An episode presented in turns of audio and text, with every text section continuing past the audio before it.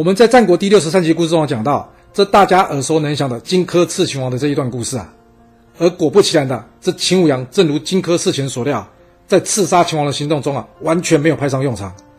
然而，从这段历史中啊，我们可以问问自己啊：我们有能力像荆轲一样，一眼就看出这秦舞阳并非适合的人选吗？还是我们也会像燕太子丹一样，被秦舞阳表面的司机所蒙蔽了呢？一个人有没有能力啊？说实话，从外表的确不容易判断。不过，要是我们读过了这段历史，再判断的依旧是用他过去所做的事迹。而不是用他所能承受事物的能力来去评估他，那这两个人牺牲不就白白的浪费了？您说是吧？想知道完整版的故事内容，可以到我华伦老爹说历史的频道去看哦。谢谢大家。